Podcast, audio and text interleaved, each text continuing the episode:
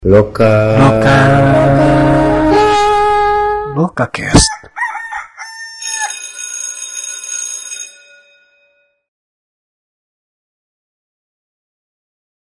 Halo teman-teman Loka Folk semua, balik lagi dengan aku Zahra Hairunisa dari Loka Lab.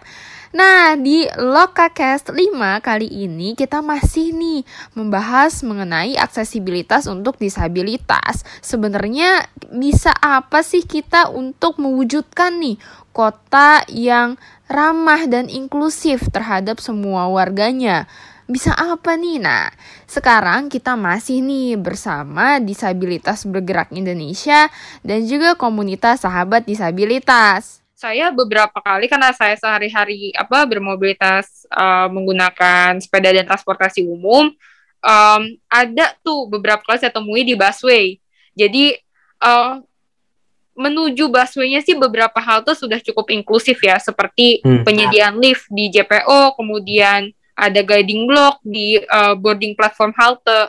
Nah akan tetapi dari boarding platform halte naik ke bisnya itu kan ada gap tuh Nah, hmm. itu yang uh, belum belum belum terdapat solusi hingga sampai saat ini gitu untuk teman-teman pengguna kursi roda, untuk teman-teman disabilitas netra itu seperti apa. Jadi harus uh, didampingi gitu. Nah, tadi yang perlu diingat juga nih oleh teman-teman oleh kita semua ya itu terkait asas mandiri ya, prinsip mandiri. Ini saya juga um, pernah uh, apa mengobrol dengan dengan salah satu komunitas disabilitas juga disabilitas tuh juga ingin mandiri gitu, ingin hmm. uh, bermobilitas di kota seperti layak kita semua gitu. Nah, ya, un ya untuk untuk mencapai hal itu, solusinya kan harus penyediaan sarana secara universal, hmm. ya kan?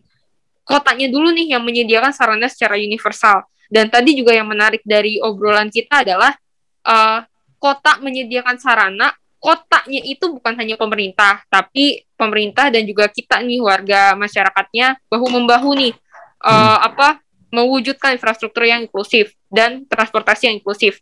Dan sarana di sini tadi juga beberapa kali ya kita singgung bukan hanya perihal sarana fisik, akan tetapi uh, sarana-sarana non fisik seperti uh, bukan sarana ya mungkin intervensi non fisik kayak penertiban, kemudian -hmm. uh, apa uh, hal edukasi gitu sosialisasi hal seperti itu yang harus menjadi satu kesatuan gitu jadi hmm. memang ini banyak faktor ya uh, apa Mas dan Mbak gitu di sini yeah. nah uh, mungkin nih di sini uh, oh ya yang salah satu hal yang aku kepo-kepo juga nih dari das, da, dari Mas dan Mbak kalau nyebrang tuh gimana sih Mas gimana sih Mbak gitu karena aku merasa uh, aku tuh pernah hitungin ya uh, apa lampu lalu lintas itu berapa detik gitu. Jadi lampu lalu lintas buat nyebrang kalau di Jakarta kan ada pelikan crossing bahkan kalau nggak ada pelikan crossing itu yang kita uh, kita mau nyebrang kita neken tombol dulu baru kita nyebrang. Nah bahkan uh, di di di model yang kayak gitu tuh cuma dapat 20 detik gitu. Sedangkan saya mikir kalau misalnya 20 detik teman-teman yang uh, disabilitas netra, teman-teman yang uh, pakai kursi roda, itu apakah cukup tuh nyebrang se sebegitu lebar jalan dalam waktu 20 detik gitu. Apalagi yang datangnya di tengah Aku tuh aku tuh aku tuh kepo heran sedangkan penyeberangan juga kan belum semuanya ada guiding block zebra cross. Nah, itu itu ah. bagaimana tuh menyiasatinya kalau misalnya Mas Damba nyebrang di, di di ruang kota?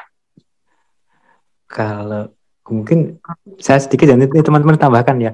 Kalau teman-teman tunanetra itu sebetulnya gini kalau teman-teman tunanetra itu ini masyarakat sudah jangan tahu ya ketika kalau nggak salah beliau kan punya tongkat. Nah ketika tongkat itu diangkat ke atas gitu uh, itu harusnya masyarakat tahu bahwa aku pengen nyebrang tolong kasih aku jalan.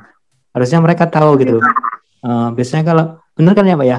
Jadi kalau tongkatnya diangkat kalau nggak salah itu kan ada dia ada bagian yang berpendar itu ngeluarin cahaya ya kan kalau malam hmm. itu kalau kesorot hmm. lampu dia uh, ngeluarin cahaya itu dia pengen nyebrang nah kalau kalau selamanya dengan dengan saya dan teman-teman kursi roda banyak kan masyarakat sudah sudah tahu dia akan pelan ketika kita yus kita nyantai aja gitu tabrak ya tabrak oh no, tabrak aja lah pasti nggak mungkin lah gitu kan tabrak nggak mungkin lah biasanya langsung mungkin nah, kalau di di Jogja uh, di Jogja ini sekarang sudah lebih maju ya tentang transportasi dan sebagainya karena gempa, Mbak. Berapa Oh. banyak orang pakai kursi roda sekarang pakai gempa itu. Berapa Hmm. banyak. Jadi uh, menurut saya kadang-kadang uh, hal-hal seperti ini aksesibilitas tercipta itu harus nunggu sesuatu yang besar dulu. momen gitu. Nah, ketika Jogja gempa itu sekarang setiap bangunan sudah ada. Sekarang setiap kelurahan sudah bisa masuk kita. Jadi ada ada apa? Ada kamar mandi khusus disabilitas, ada ram untuk sana. Hmm. Kemudian eh, Trans Jogja juga sudah sudah welcome, sudah ya cuman memang ram-ramnya kadang-kadang apa pelengsengannya itu kadang-kadang terlalu 45 derajat dan sebagainya memang seperti itu. Tapi kalau secara stafnya eh, se- si apa eh, yang itu yang menjaga itu pasti selalu ketika datang ada yang baik langsung, eh mas mas kita bantu kita bantu dan di dalam bus itu sudah ada eh, tempat khusus jadi ada tanda kursi roda dan itu hanya dipakai oleh teman-teman disabilitas yang tidak disabilitas nggak nggak nggak akan pakai tempat itu gitu loh. di Hmm. Jogja sudah mulai ini karena memang ada momen seperti itu. Nah eh, kalau sekali lagi kalau jalan selebar itu dengan berapa detik mungkin nih Mbak Mbak Yesi Indah mungkin bisa bisa menjelaskan. Kalau saya sih sama teman-teman ya sudah harus memang harus ada guide-nya ya ada pengawalnya. Ya saya pasti akan eh, saya akan di samping dia saya akan coba berhentikan gitu sampai ke Hmm. tempat selanjutnya. Jadi kadang-kadang kalau teman saya suka ini apa kereknya yang satu diangkat gitu kan dia pakai krek dua yang satu diangkat.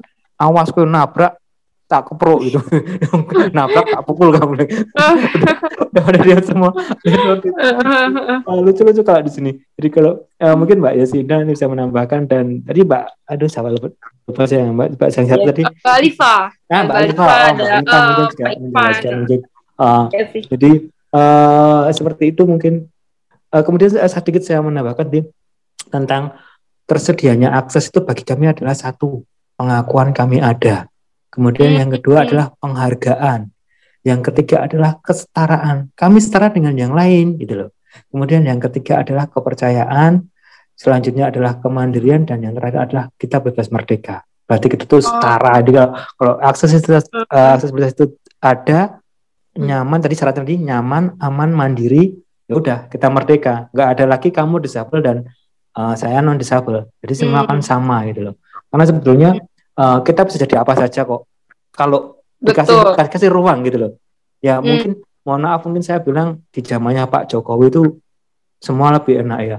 Saya itu berapa kali Mbak daftar itu ditolak sama satpam karena oh ini nggak boleh cacat fisik Pak udah nangis ditolak Hmm. nangis ditolak nangis bahkan ketika sekolah saya tuh pengen banget ke STM Mbak ketika Hmm. STM di depan udah tulisan eh, STM tidak boleh cacat fisik dulu saya masuk 1995 pulang Hmm. saya nangis saya nangis sama bapak saya pengen STM padahal STM saya tuh pengennya elektro. Bukan Hmm. mesin bukan apa gitu. Kan hubungannya Iya. dengan hal yang kecil gitu. Ya mungkin karena dulu saya, saya saking belum beraninya saya tidak ada advokasi. Kalau sekarang kan udah banyak LSM advokasi ya.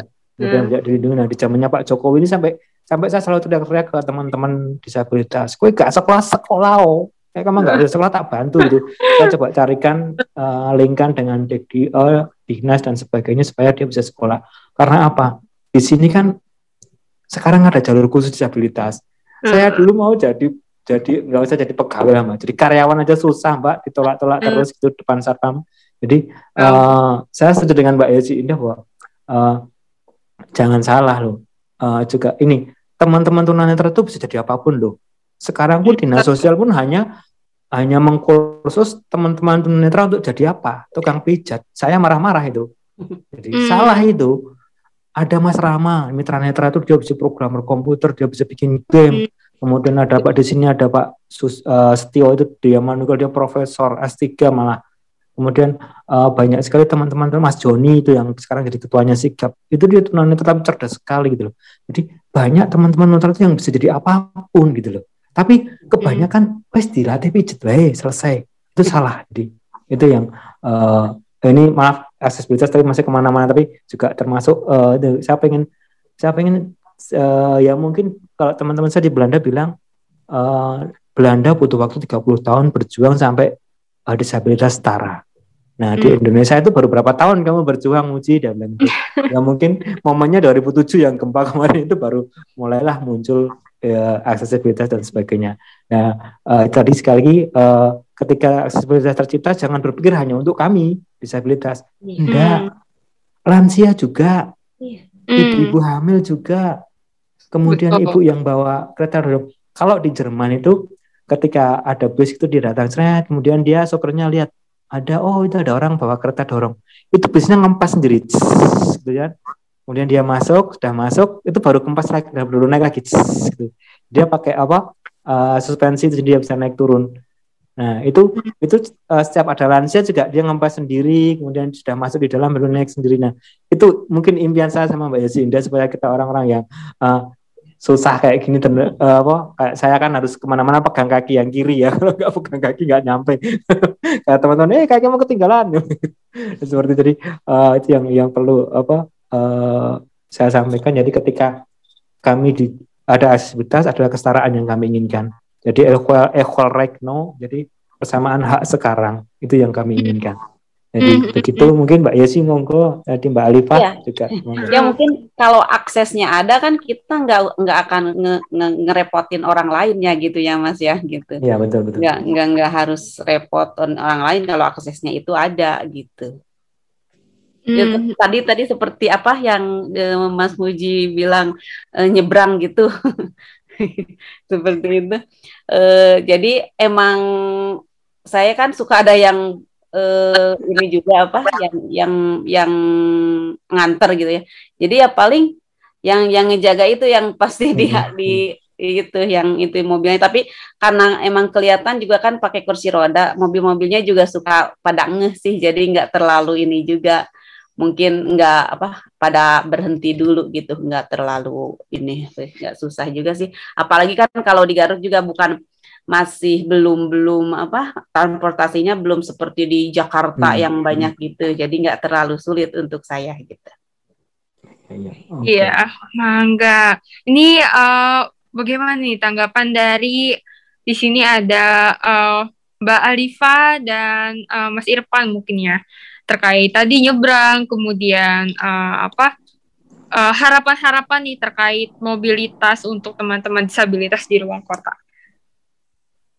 Iya, eh, baik terima kasih. Tentunya harapan ba- bagi saya secara pribadi atau bagi teman-teman disabilitas pada umumnya, harapan kami adalah kami bisa beraktivitas dengan nyaman, aman dan mandiri tadi. Hmm. Eh, karena gini, kalau misalnya di sini pemerintah lah saya katakan sebagai pemangku kewenangan mau setidaknya berinvestasi untuk hal ini, lalu di sini kami bisa mandiri, kami bisa menjadi pribadi yang produktif, maka Hmm. kami juga akan bisa berkontribusi gitu. Eh, maksudnya untuk untuk pembangunan masyarakat di sekitar kami, tidak hanya bagi diri kami, kami secara pribadi saja gitu. Artinya kami kami hidup eh, juga juga juga juga bisa bisa memberikan kontribusi bagi eh, apa namanya masyarakat di sekitar kami kalau dukungan dan sarananya tadi ada gitu. Lalu eh menyadari kepentingan masing-masing. Seperti tadi saya contohkan ketika saya saya mungkin satu dua kali ketika saya jalan di trotoar lalu ada pengendara motor entah mungkin dia terjebak macet atau bagaimana.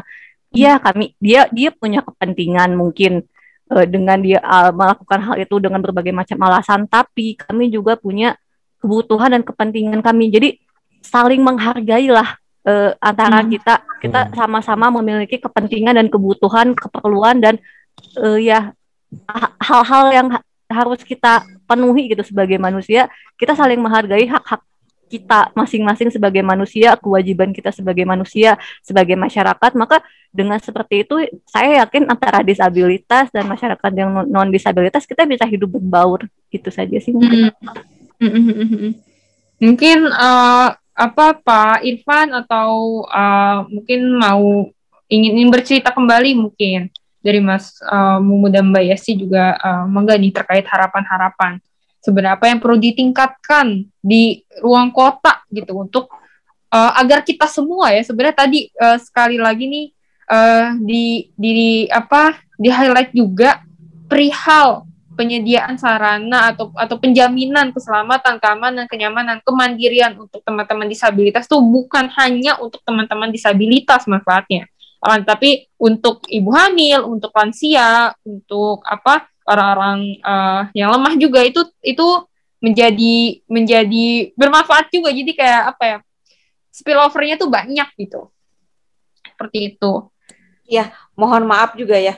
Eh, kadang eh, seperti pemerintah dan siapa masyarakat umum lainnya juga jangan jangan ngerasa kita sekarang bisa jalan, kita sekarang bisa Hmm, melihat, betul. kita sekarang bisa mendengar. Setuju, Seperti setuju. yang saya rasakan. Saya juga kan eh, disabilitas saya bukan dari lahir, Mm-mm. saya kecelakaan. Silakan. Ya, dari dari dari lahir sampai eh, beres SMA saya bisa jalan, saya bisa ke sana kemari. Karena eh, setelah kecelakaan kan eh, saya tidak bisa berjalan dan harus menggunakan kursi roda. Jadi Hmm. eh, alangkah mungkin alangkah lebih bijak, lebih punya hati nurani dan apalah eh, hatinya kita itu tidak bukan bukan bukan artian saya mendoakan ya. Tidak tidak itu bukan seperti itu. Tapi itu eh, akan terjadi gitu.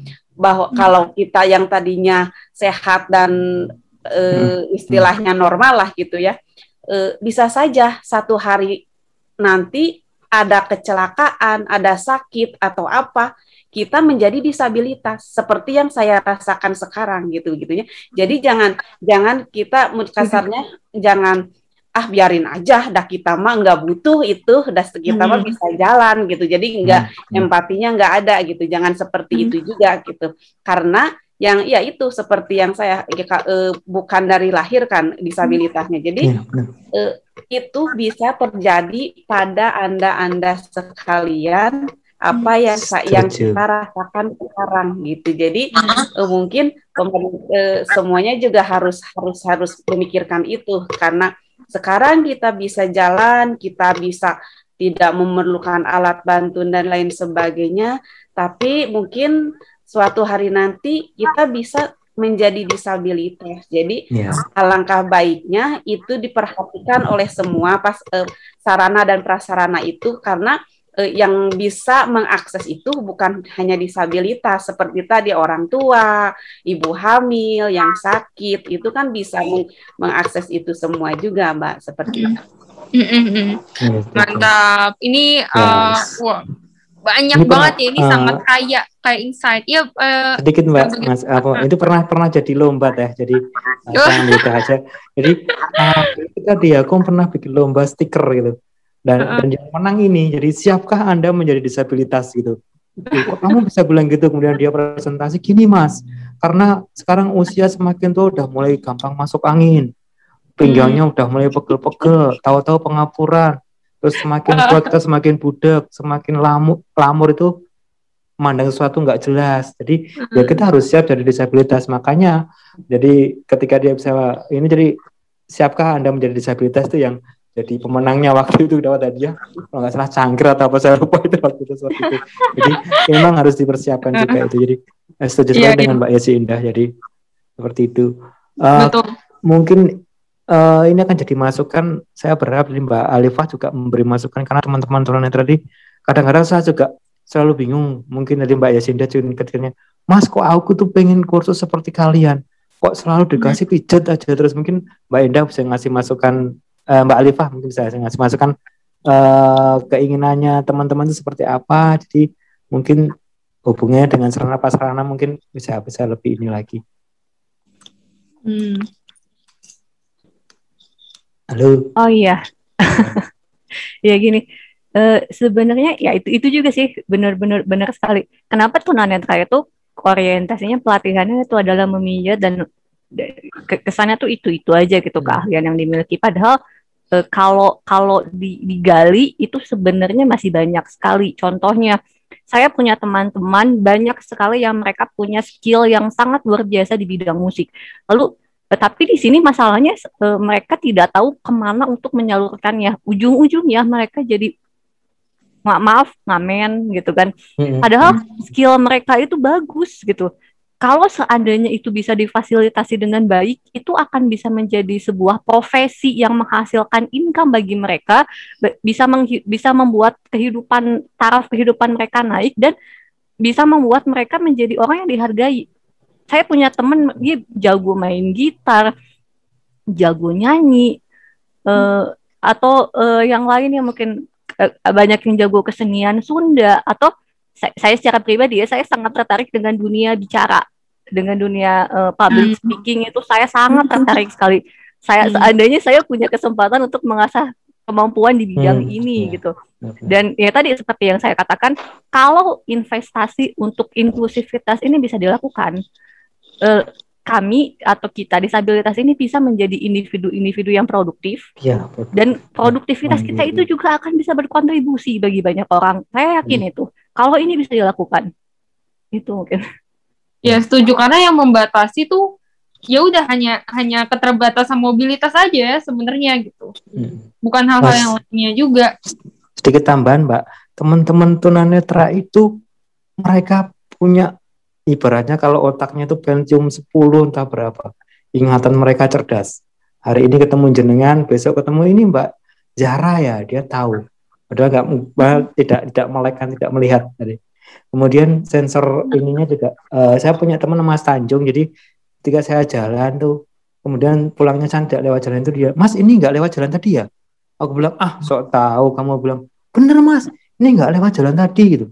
Ternyata dia hitung ketika keluar dari itu oh ini nanti saya nabrak polisi tidur tiga habis itu nanti belok kiri nanti saya ada Oh tempat gitu. dekat teduh gitu. Jadi, aku juga apa? ini loh apa sensor kulit mereka itu peka kemudian ingatannya sangat luar biasa.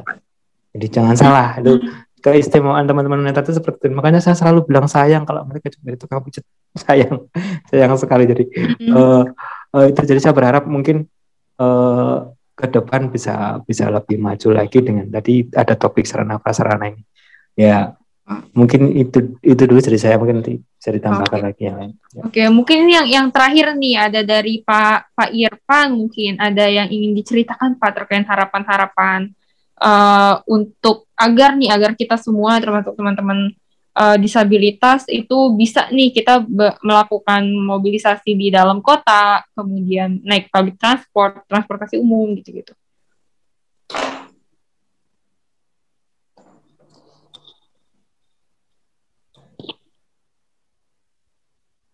Oke, eh, oke, sepertinya sedang tidak dalam jangkauan ya Pak Irfan ya. Ya nggak apa-apa. Ini mungkin eh, ini wah tadi ya tadi sangat kayak kayak insight sekali nih eh, apa saya juga jadi belajar banyak banget gitu. Ini eh, Eh, coba itu Bu Kustini dari tadi belum diberikan kesempatan. oh iya iya oh, oh ya Bu Bu Tini sepertinya ingin menyimak saja tadi katanya. Atau ada yang ingin disampaikan Bu Tini? Putih, kita tunggu suaramu. Sebenarnya kan udah sebenarnya eh, tiga kan dari DBI, tapi mungkin saya hanya sedikit menambahkan saja bahwa Kak Zahra ada eh, Permen PUPR nomor 14 tahun 2020, kemudian ada PP nomor 40 tahun 2020 juga itu tentang aksesibilitas. Jadi sebenarnya sudah ada peraturan-peraturan yang dibuat oleh pemerintah bagaimana sarana dan prasarana eh, agar bisa akses buat teman-teman disabilitas. Tapi seperti tadi yang eh, juga udah disampaikan oleh Mas Muji bahwa aksesibilitas itu tidak hanya berbentuk fisik ya, tapi juga ada yang non fisik gitu. Dan memang eh, sampai saat ini sih kalau kalau saya pribadi ngelihat bahwa di Kota Bandung sudah mulai gitu beberapa eh, apa sarana dan prasarana itu sudah mulai eh, di apa dicoba di, diimplementasikan sesuai dengan peraturan-peraturan yang yang ada. Tapi memang eh, pelaksanaannya, prakteknya di lapangan sering kali memang eh, tidak sesuai dengan apa yang eh, sudah ada di dalam peraturan. Misalnya nih untuk RAM ketinggiannya maksimal ada itu kan ada, ada aturan Kemiringannya tersendiri ya. Ya, kemiringannya itu kan ada ada aturan yang tersendiri itu 90 cm, kemudian lebar lebar Itu pintu. ya. Uh, uh, lebar pintu juga itu kan ada aturannya ada. uh, sehingga uh, untuk teman-teman pengguna kursi roda seperti Tahiasi itu bisa melakukan manuver gitu. Kemudian juga railing dan juga uh, sarana Toilet ya biasanya. betul. Toilet, ya. Nah kemudian juga uh, sarana-sarana untuk ibadah. Nah ini masih kurang sekali buat teman-teman disabilitas. Kita bisa melihat sekali bisa melihat bagaimana uh, sarana tempat ibadah itu kebanyakan ada sangat tidak akses buat teman-teman disabilitas. Tapi Betul. Hmm, sekarang sudah ada mulainya ada niat baik dari departemen keagamaan untuk agar uh, apa uh, tempat-tempat ibadah tidak hanya masjid tapi juga tempat-tempat ibadah yang lain itu bisa mudah diakses oleh teman-teman uh, disabilitas gitu. Kayak gitu. Jadi sebenarnya uh, ketika kita berbicara aksesibilitas itu peraturannya sudah ada, regulasinya sudah ada, tinggal hmm. bagaimana implementas implementasinya. Hanya di sini mungkin kita masih menunggu nih uh, yang akan menjadi uh, pengawal ya ketika uh, regulasi sudah ada, siapa sih yang nanti akan mengawal. Sekarang sudah mulai uh, apa ada PP uh, untuk Komisi Nasional Disabilitas. Inilah hmm. nanti komisi ini akan menjadi salah satu uh, apa yang uh, melakukan penilaian seperti tadi Mas Muji menyampaikan. Ini kalau misalnya uh, tidak menyelenggarakan ini atau atau tidak melanggar aturan nih siapa nih yang nanti yang memberikan uh, punishment atau rewardnya? Nah, nanti kita berharap bahwa dengan adanya KND ini akan uh, apa yang sudah ada regulasi-regulasi yang ada itu sudah bisa nanti bisa dirasakan oleh teman-teman uh, disabilitas nih Pak Irfan juga. Pak Irfan uh, juga sekarang sedang mencoba untuk menjadi salah satu komisioner. Doakan saja teman-teman. Beliau sudah lolos. Sudah lolos seleksi administrasi. Kita berharap bahwa nanti akan ada dari eh, teman-teman uh, dari DBI yang bisa mewakili di Komisi Disabilitas dan mungkin juga saya ingin menyampaikan ke Kak Zahra juga bahwa kami di DBI ada satu program lainnya Disabilities Goes to Campus gitu Kak. Wow, oke okay. di Loka Fox nih yang masih mahasiswa. Uh, uh, jadi sebenarnya kita udah pernah loh di ITB. Hmm. Tahun kalau nggak salah tahun 2018 ya 2018 akhir kita wow, aku masih kuliah. Hanya waktu itu yang ininya adalah teman-teman relawan deh kalau nggak salah, teman-teman mahasiswa ITB yang menjadi relawan. Nah, hmm. kita waktu itu memberikan uh, kalau disabilitas Goes to Campus itu adalah kita pengen bawa uh, perguruan tinggi perguruan tinggi itu atau universitas itu nantinya inklusif ya cukup inklusif buat teman-teman disabilitas. Nah, uh, hmm. jadi kami itu tidak hanya ke ITB, ke Unpad juga, kemudian ke beberapa universitas Maranatha yang sudah kita datangin. Hanya memang sejak ada pandemi itu uh, agak susah ya kita melakukan uh, kegiatan seperti itu karena kalau misalnya kita melakukan disabilitas goes to campus biasanya satu hari penuh mbak. Oh. Uh, pengenalan, mantap, pengenalan mantap. disabilitas, bagaimana hmm. berinteraksi dengan disabilitas, kemudian hmm. juga apa yang harus dilakukan ketika bertemu dengan disabilitas. Nah, kita pengen bahwa nanti teman-teman mahasiswa ini adalah mereka adalah uh, ke depan insya Allah adalah para hmm. pemimpin masa depan. Jadi kita kita juga berharap bahwa ada loh um, apa teman-teman atau masyarakat yang uh, tidak seberuntung dalam tanda kutip uh, uh, banyak sekali mendapatkan hambatan utamanya adalah hambatan-hambatan lingkungan yang sebenarnya menjadikan kita menjadi seorang disabilitas. Tapi ketika lingkungan itu kemudian sudah inklusif, sudah dan juga masyarakat uh, aware dengan disabilitas uh, bahwa nanti tidak ada lagi perbedaan antara disabilitas dan non disabilitas. Itu saja hmm. mungkin karena uh, sebenarnya saya di sini kan janjinya hanya sebagai pendengar aja. Wah, mantap tadi pamungkas. Jadi itu kalau misalnya teman-teman nih pendengar dari apa namanya loka apa nih? Loka Loka Fox sebutannya. Loka Fox ya. Yang masih kuliah atau yang masih uh, sekarang menjadi mahasiswi Hmm. Sebenarnya kami dari DBI itu siap ya untuk membantu datang ke kampus-kampus. Kita lebih uh, kita ingin pengen mengenalkan uh, uh, apa keragaman disabilitas. Oh iya, tadi Kak Zahra juga bertanya mm -hmm. apa sih ragam disabilitas gitu. Mm. Berapa Iya, itu mungkin Noka, eh, mungkin teman-teman Noka Fox juga masih belum familiar nih sebenarnya apa ini itu. Jadi ragam disabilitas itu kalau menurut Undang-Undang Nomor 8 itu ada empat ya kak ya. Yang pertama mm -hmm. adalah disabilitas fisik. Disabilitas fisik itu mereka yang memiliki hambatan uh, mobilitas ya. Bisa karena uh, ke uh, apa eh, kehilangan salah satu fungsi tubuh bisa eh, amputi atau misalnya juga bisa paraplegis seperti Teh Yesi atau bisa polio okay. seperti saya dan juga Kang uh, Kang Irfan hmm. atau juga uh, yang memiliki apa tadi seperti Mas Muji juga uh, polio kaki kiri ya lemah kaki yeah. kiri dan juga yang masuk ke dalam disabilitas fisik itu juga yang uh, little people yang mohon maaf anak yang kecil gitu tubuhnya. ya. Ya, itu Cepol. adalah disabilitas fisik. Kemudian ada disabilitas sensorik. Disabilitas sensorik itu juga terbagi dua. Sensorik yang karena kehilangan penglihatan seperti Teh Alifa, baik itu secara keseluruhan atau totaliban maupun juga eh, apa sebagai vision. eh, eh, low vision gitu. Jadi Hmm. masih bisa melihat hanya memang me- terbatas kemampuan penglihatannya. Kemudian juga eh, sensori karena pendengaran dan komunikasi. Ini Hmm. juga eh, apa eh, yang masuk ke dalam disabilitas sensorik. Kemudian yang eh, ketiga yaitu disabilitas eh, intelektual. Hmm. Itu mereka yang memiliki intelektual di bawah rata-rata. Dan kemudian yang keempat itu disabilitas mental. Mental itu terbagi dua, mental secara secara psikososial dan juga mental karena perilaku gitu.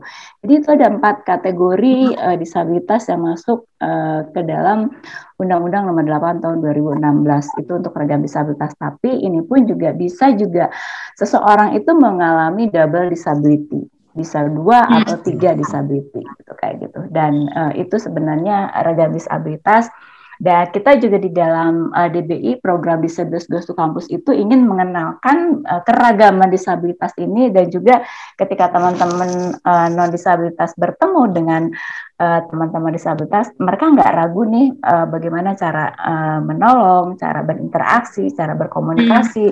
Sehingga eh, kadang-kadang kan teman-teman tuh juga aduh rasanya eh, kalau menolong takut misalnya menyinggung gitu tapi untuk eh, membantu juga memang ada ada eh, apa ada aturan-aturannya tersendiri sehingga ketika pada saat memberikan bantuan itu juga eh, tidak menjadi apa membahayakan untuk teman disabilitasnya. Itu ada ada ada eh, etika-etikanya etika etika berinteraksi etika berkomunikasi itu ada ada ini. Dan itu yang kami lakukan eh, di Disabilities Goes to Campus yang selama ini eh, menjadi salah satu program dari Disabilitas Bergerak Indonesia. Wah, mantap. Itu uh, bisa jadi apa? Sebuah sebuah kesempatan nih buat lokal vlogs yang uh, yang ada di kampus nanti setelah pandemi mungkin ya. Uh, bisa nih belajar bareng, juga bisa dilihat juga nih di kampusnya apakah sudah ramah uh, disabilitas atau belum, dan juga tadi uh, lagi-lagi diingatkan bahwa perihal penjaminan uh, apa inklusivitas untuk mobilitas itu bukan hanya ditentukan oleh sarana fisik, tapi kita juga sebagai manusia Hmm. uh, itu menjadi tanda kutip sarana juga nih untuk uh, apa penjaminan keamanan dan keselamatan, kenyamanan dan kemandirian uh, teman-teman disabilitas seperti itu. Uh, ya terima kasih banyak ini. Aduh sebenarnya uh, ingin ingin ngobrol lebih jauh lagi. Tadi aku juga sebenarnya udah udah ada catatan-catatan penting nih untuk aku sendiri. Cuman uh, sepertinya kalau dirangkum sangat banyak ya. Tadi kita kalau misalnya kita review kita udah ngobrolin tentang uh, apa komunitas-komunitas disabilitas banyak banget tadi. Kemudian ngobrolin juga nih um, apa pengalaman-pengalaman dari uh, teman-teman disabilitas yang bergabung bersama uh, Loka Fox hari ini di di Lokakes 4. Kemudian juga uh, ngomongin nih hal-hal apa aja nih sebenarnya yang kayaknya nih bisa ditingkatin, harus ditingkatin nih uh, untuk uh, tadi penjaminan uh, keselamatan, keamanan, kenyamanan dan kemandirian dari teman-teman disabilitas. Dan juga uh, tadi ya perlu diingat bahwa bukan perihal fisik tapi bukan hanya perihal fisik akan tetapi perihal non fisik juga gitu. Dan um, edukasi kemudian sosialisasi uh, kemudian apa tuh namanya saling membantu bahu membahu membantu itu salah satu faktor yang penting juga gitu. Dalam uh, penyediaan aksesibilitas untuk teman-teman disabilitas seperti itu mungkin uh, sebelum kita menutup nih Okakes hari ini apa ada tambahan atau kata-kata penutup mungkin dari dari teman-teman Eh, saya saya. Jadi Hmm. eh, ini sudah kita perjuangkan lama dari tahun 2000 mungkin ya 99 2000. Jadi jangan membuat eh, keputusan apa pun tentang kami tentang Mhm. disabilitas tanpa melibatkan kami. Hmm. Mungkin itu sama ya Mbak Yesinda udah senyum-senyum udah udah hafal dan mungkin tadi Mbak eh, eh, Pak Pak Irfan juga teman-teman ya. Jadi jangan membuat keputusan apa pun tentang kami tanpa melibatkan kami. Contoh kasus ketika Trans Jogja dibangun kami tidak dilibatkan kemudian ketika pakai hancur semua. Gak ada yang berani pakai itu. Jadi uh, haltenya teman ya, Pak Trans Jogjanya nggak masalah. Haltenya yang ramnya yang ngeri.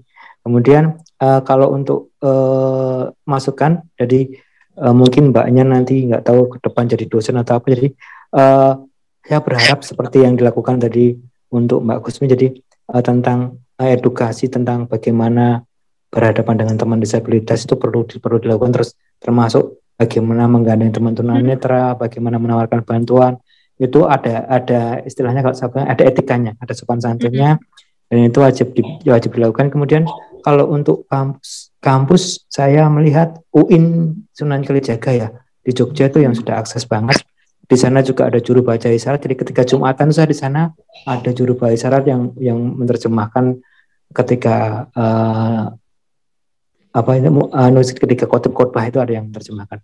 Jadi kalau mungkin bisa jadi perbandingan di UIN bisa jadi perbandingan untuk kampus-kampus yang lain uh, tentang aksesibilitasnya. Uh, ya sekali lagi saya berharap uh, semoga nanti ke depan tadi jangan jangan membuat keputusan tentang kami tanpa kami. Jadi ketika sudah terjadi bangunan pun harus ada studi-studi aksesibilitas tuh yang hmm. yang di, yang dipanggil kami lah. Jadi jadi teman-teman yang kursi roda teman-teman yang tunanetra teman-teman yang tunarungu itu dibawa ke situ. Piye? Wes cocok enggak? Ini kurang apa kurang apa? Jadi hanya jangan hanya sekedar oh ini nanti daripada diprotes sama Muji dan teman-temannya udahlah tak bikinkan ram.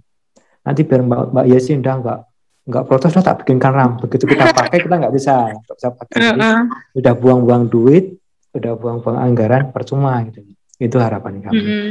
Mungkin itu sehat. Uh, sekali lagi uh, kesadaran masyarakat memang yang yang utama karena karena ketika mereka sadar bahwa adalah bagian mereka. Jadi ketika aksesibilitas sekali lagi ketika aksesibilitas itu ada bahwa kami uh, merasa bahwa kami itu diakui pengakuan bahwa kami ada, kami dihargai, kemudian kami setara dengan yang lain dan kami berharap kami bisa mandiri dan merdeka. Jadi bisa ke mana pun, bisa jadi apa pun. Itu saja. Oh. Terima kasih. Udah dirangkum semua ini mantap Pak Mumu. Terima kasih banyak. Mungkin dari uh, apa teman-teman disabilitas yang lain, Mas dan Mbak, uh, silahkan apabila uh, ada nih kata-kata penutup. Oleh mungkin uh, jadi kalau kita melihatnya bahwa undang-undang ada di per, perda setiap kota kabupaten sudah jelas juga banyak seperti itu.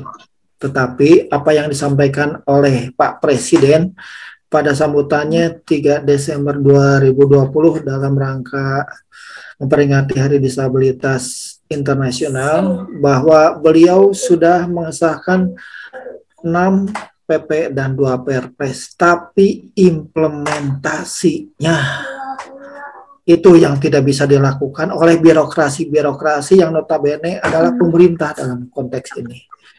Jadi memang perlunya eh, sisi pengawasan yang harus dilakukan, terutama dalam konteks ini adalah kalau amanah undang-undang itu tiga tahun setelah disahkan itu harus terbentuk KND, sekarang saatnya sudah eh, harus dibentuk KND supaya pelaksanaan penghormatan pelayanan dan juga eh, apa bagi penyandang disabilitas itu semuanya dapat dipenuhi. Dan teman-teman penyandang disabilitas di Indonesia itu tidak lagi merasa susah untuk bermobilitas, susah beraktivitas, susah mendapat pekerjaan, sudah mengakses susah mengakses kesehatan dan lain sebagainya.